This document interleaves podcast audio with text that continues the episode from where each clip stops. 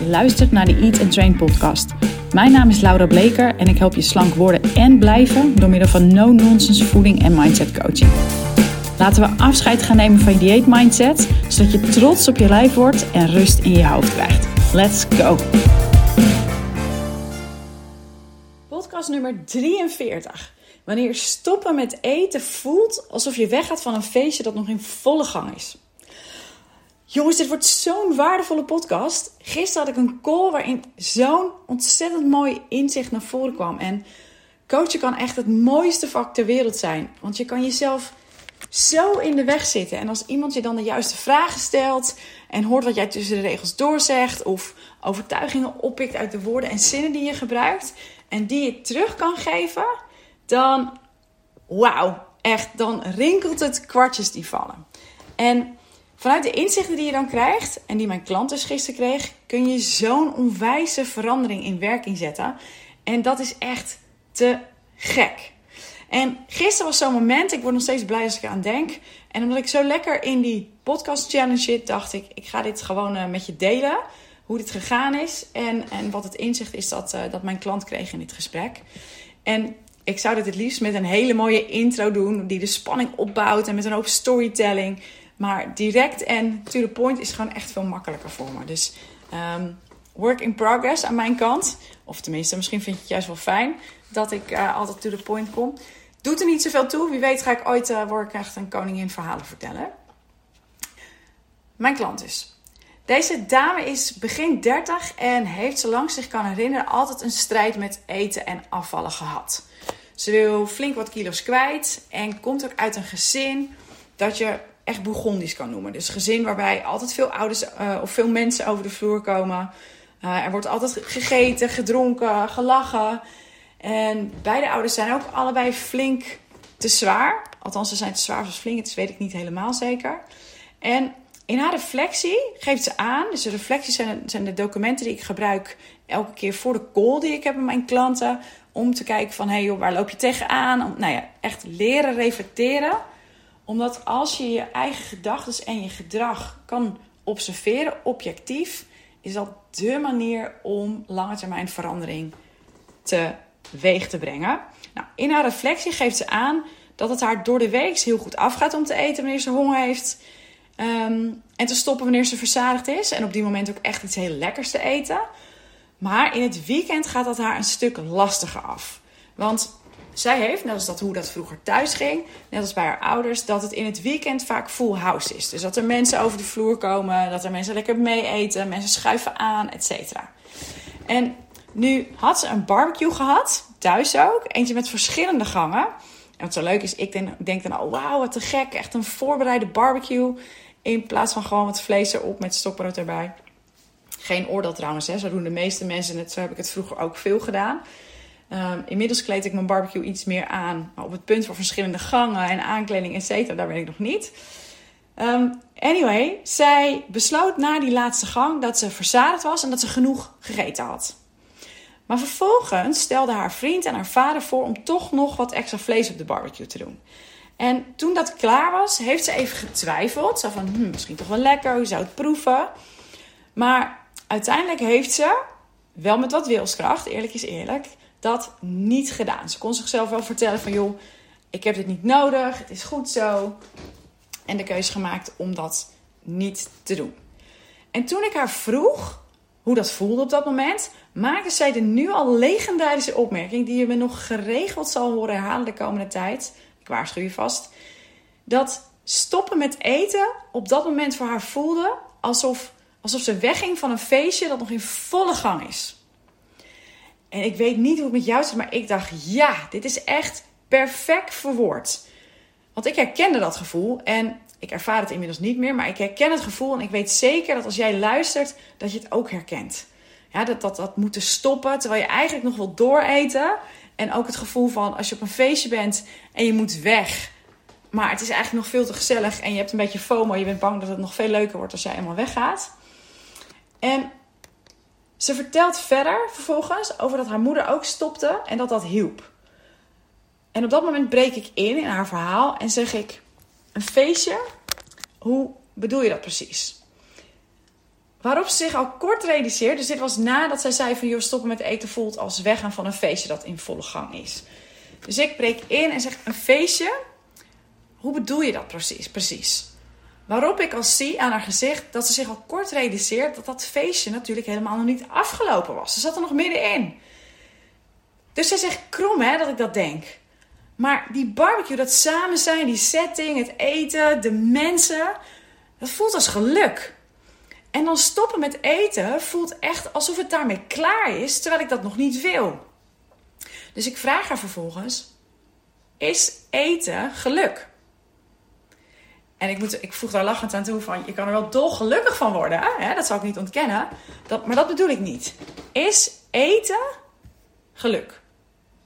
En ze zegt nee. En mocht jij hier voor jezelf, als je luistert, antwoorden ja, stel jezelf dan de volgende vervolgvraag. Is het 100% waar, is het een gegeven, een feit, dat eten geluk is? En dan is, de, dan is de kans groot dat je al moet toegeven dat het antwoord nee is. En door dat te doen hè, op die manier van, is dit waar? En is het 100% waar? Is het een feit, een gegeven? Zo krijg je belemmerende overtuigingen of überhaupt overtuigingen scherp. Terug naar die neef van mijn klant. Zij had hem al vrij snel door toen, toen ik vroeg van, joh, is eten geluk? En toen zei ze nee. Maar het was zo'n nee waarbij ze eigenlijk direct nog even moest nadenken. En ik zeg, heb je door wat er nu gebeurt? Jij koppelt, zeg ik tegen haar, dat jij koppelt eten aan geluk. En dat maakt dat je het idee hebt dat je het feestje moet verlaten. Maar wat is daadwerkelijk het geluk? Ja, dus, dus dat eten geluk is, dat heeft ze, en, dat ze daar dus mee gaat stoppen, dat maakt dat ze het gevoel heeft dat ze het feestje moet verlaten. Maar wat is daadwerkelijk het geluk? Dat was het eten niet, zo zijn we. Dus ik stel haar die vraag: wat is daadwerkelijk het geluk? En ze zegt: dat zijn de mensen, het samen zijn. Ze heeft het over de setting, de voorbereiding die eraan vooraf ging, waar heel veel liefde in zat. De liefde die er was tussen de mensen die er zijn. En het eten. Maar, zegt ze volgens, ik mag dat eten ook. Sterker nog, ik heb er al van gegeten en het was heerlijk. En ik voel ook dat het genoeg was. En met meer doe ik eigenlijk, ze is inmiddels een beetje aan het nadenken, mijn lijf helemaal geen plezier. En ik mag dus op dat feestje blijven ik mis dan helemaal niets. En ik geniet ook van al die momenten en die dingen met het eten. En, en als ik dus door eet, hè, dit is echt hard op nadenken. Dus ik zie dus dat, dat ze wegkijkt. Ze is hardop aan het nadenken. En met meer eten, zegt ze, hoe tegenstrijdig het ook lijkt, doe ik dus eerder tekort aan mijn geluk. Want ik wil me niet vol eten. En ik wil juist leren dat ik zo sterk ben. Dat ik zelf de keuzes maak over hoe goed zorg ik voor mezelf. Nou, hier hoor je dat we al een aantal sessies gehad hebben, want het zijn ook de dingen die ik haar aan het leren ben.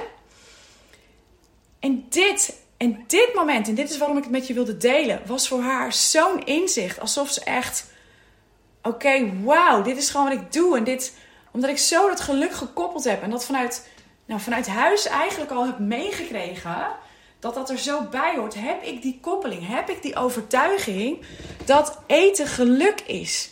Maar het geluk is zoveel meer. En dus toch dooreten op zo'n moment, daarmee doe je tekort aan je eigen geluk. En wat ik daaraan toe wil voegen, is dat je gaat dan dus, als het je gaat lukken, als je dit gaat oefenen, zelf keuzes maken over hoe goed je voor jezelf zorgt, dat dat geluk is. En dan dus niet eten omdat iedereen eet, omdat het er is. Of, hele belangrijke, omdat je schaarste ervaart, omdat je al zo lang gedieet hebt. Kijk, dat feestje, uiteindelijk denk ik dat je wil kunnen genieten van al die kleine dingen bij elkaar opgeteld. Van echt in het moment daar aanwezig zijn bij die mensen. En, en, en ja, bij de mensen. Dus echt daar zijn met, met alles wat je hebt. En niet met je gedachten ergens anders. Niet bij, oh ja, ik moet meer eten, want ik mis iets. Maar van lief zijn voor jezelf. In het moment zijn, de mensen om je heen. En als jij veel gedieet hebt en je brein ervaart nog schaarste, omdat jij ergens denkt: ik mag dat extra eten niet, dan wordt dit een strijd. Maar je mag alles eten.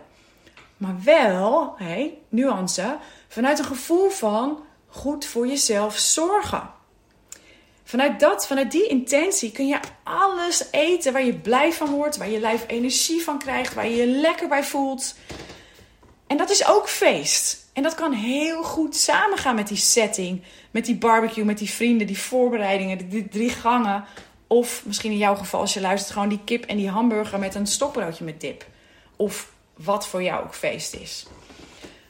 Maar als jij ook ervaart dat stoppen met eten is als weggaan van dat feestje dat nog in volle gang is, onderzoek dat dan eens voor jezelf. Als jij ook de overtuiging dus hebt dat eten geluk is, heb je onderzoek te doen. Want, en dit klinkt bot hè, en ik hoop dat je het van me kan hebben, ik ga ervan uit. Dan mag je, als jij de overtuiging hebt dat eten geluk is, dan mag je eten echt minder belangrijk gaan maken. Of je leven leuker. En misschien schiet je nu de weerstand, dat is helemaal oké. Maar je mag gaan leren om meer te genieten van in het moment te zijn. Van met de mensen zijn, je omgeving, in je fijne huis, in die tuin met die barbecue. Misschien in de natuur of je vakantie of wat dan ook. Want eten, en je weet het van me, het is fantastisch. Een genietmoment. Ik zou er uren over kunnen praten. Maar als jouw geluk afhangt van dooreten, terwijl je lichaam eigenlijk genoeg gehad heeft, dan heb je nog wat uit te zoeken met jezelf. En uiteraard hè, help ik je daar heel, heel graag mee. Dan ga ik toch even afsluiten met nog even te benoemen dat je kunt op mijn website een gratis matchcall aanvragen. En daarin bespreken we of ik jou ook verder zou kunnen helpen om je relatie met eten zo te veranderen dat jij ook gaat afvallen zonder dieet en je weer zelfverzekerd gaat voelen en vrij. Vrij in de keuzes die je maakt. Dat je weer beter voor jezelf gaat zorgen. En daardoor uiteindelijk al je kleding weer past. Rust in je hoofd krijgt. En het mooie is, als je mijn methode eenmaal kent en hebt toegepast, waar ik je dan dus bij ga helpen, dan zul je inzien dat een dieet helemaal niet werkt. En die vrijheid, wauw. Goed, in show notes dus als je eens het erover wil hebben en als je ook dit soort inzichten wil hebben om uiteindelijk echt die lange termijn verandering in te zetten. Dat was hem voor nu. Ik ga nu echt afsluiten en ik zie jou of hoor jou morgen weer.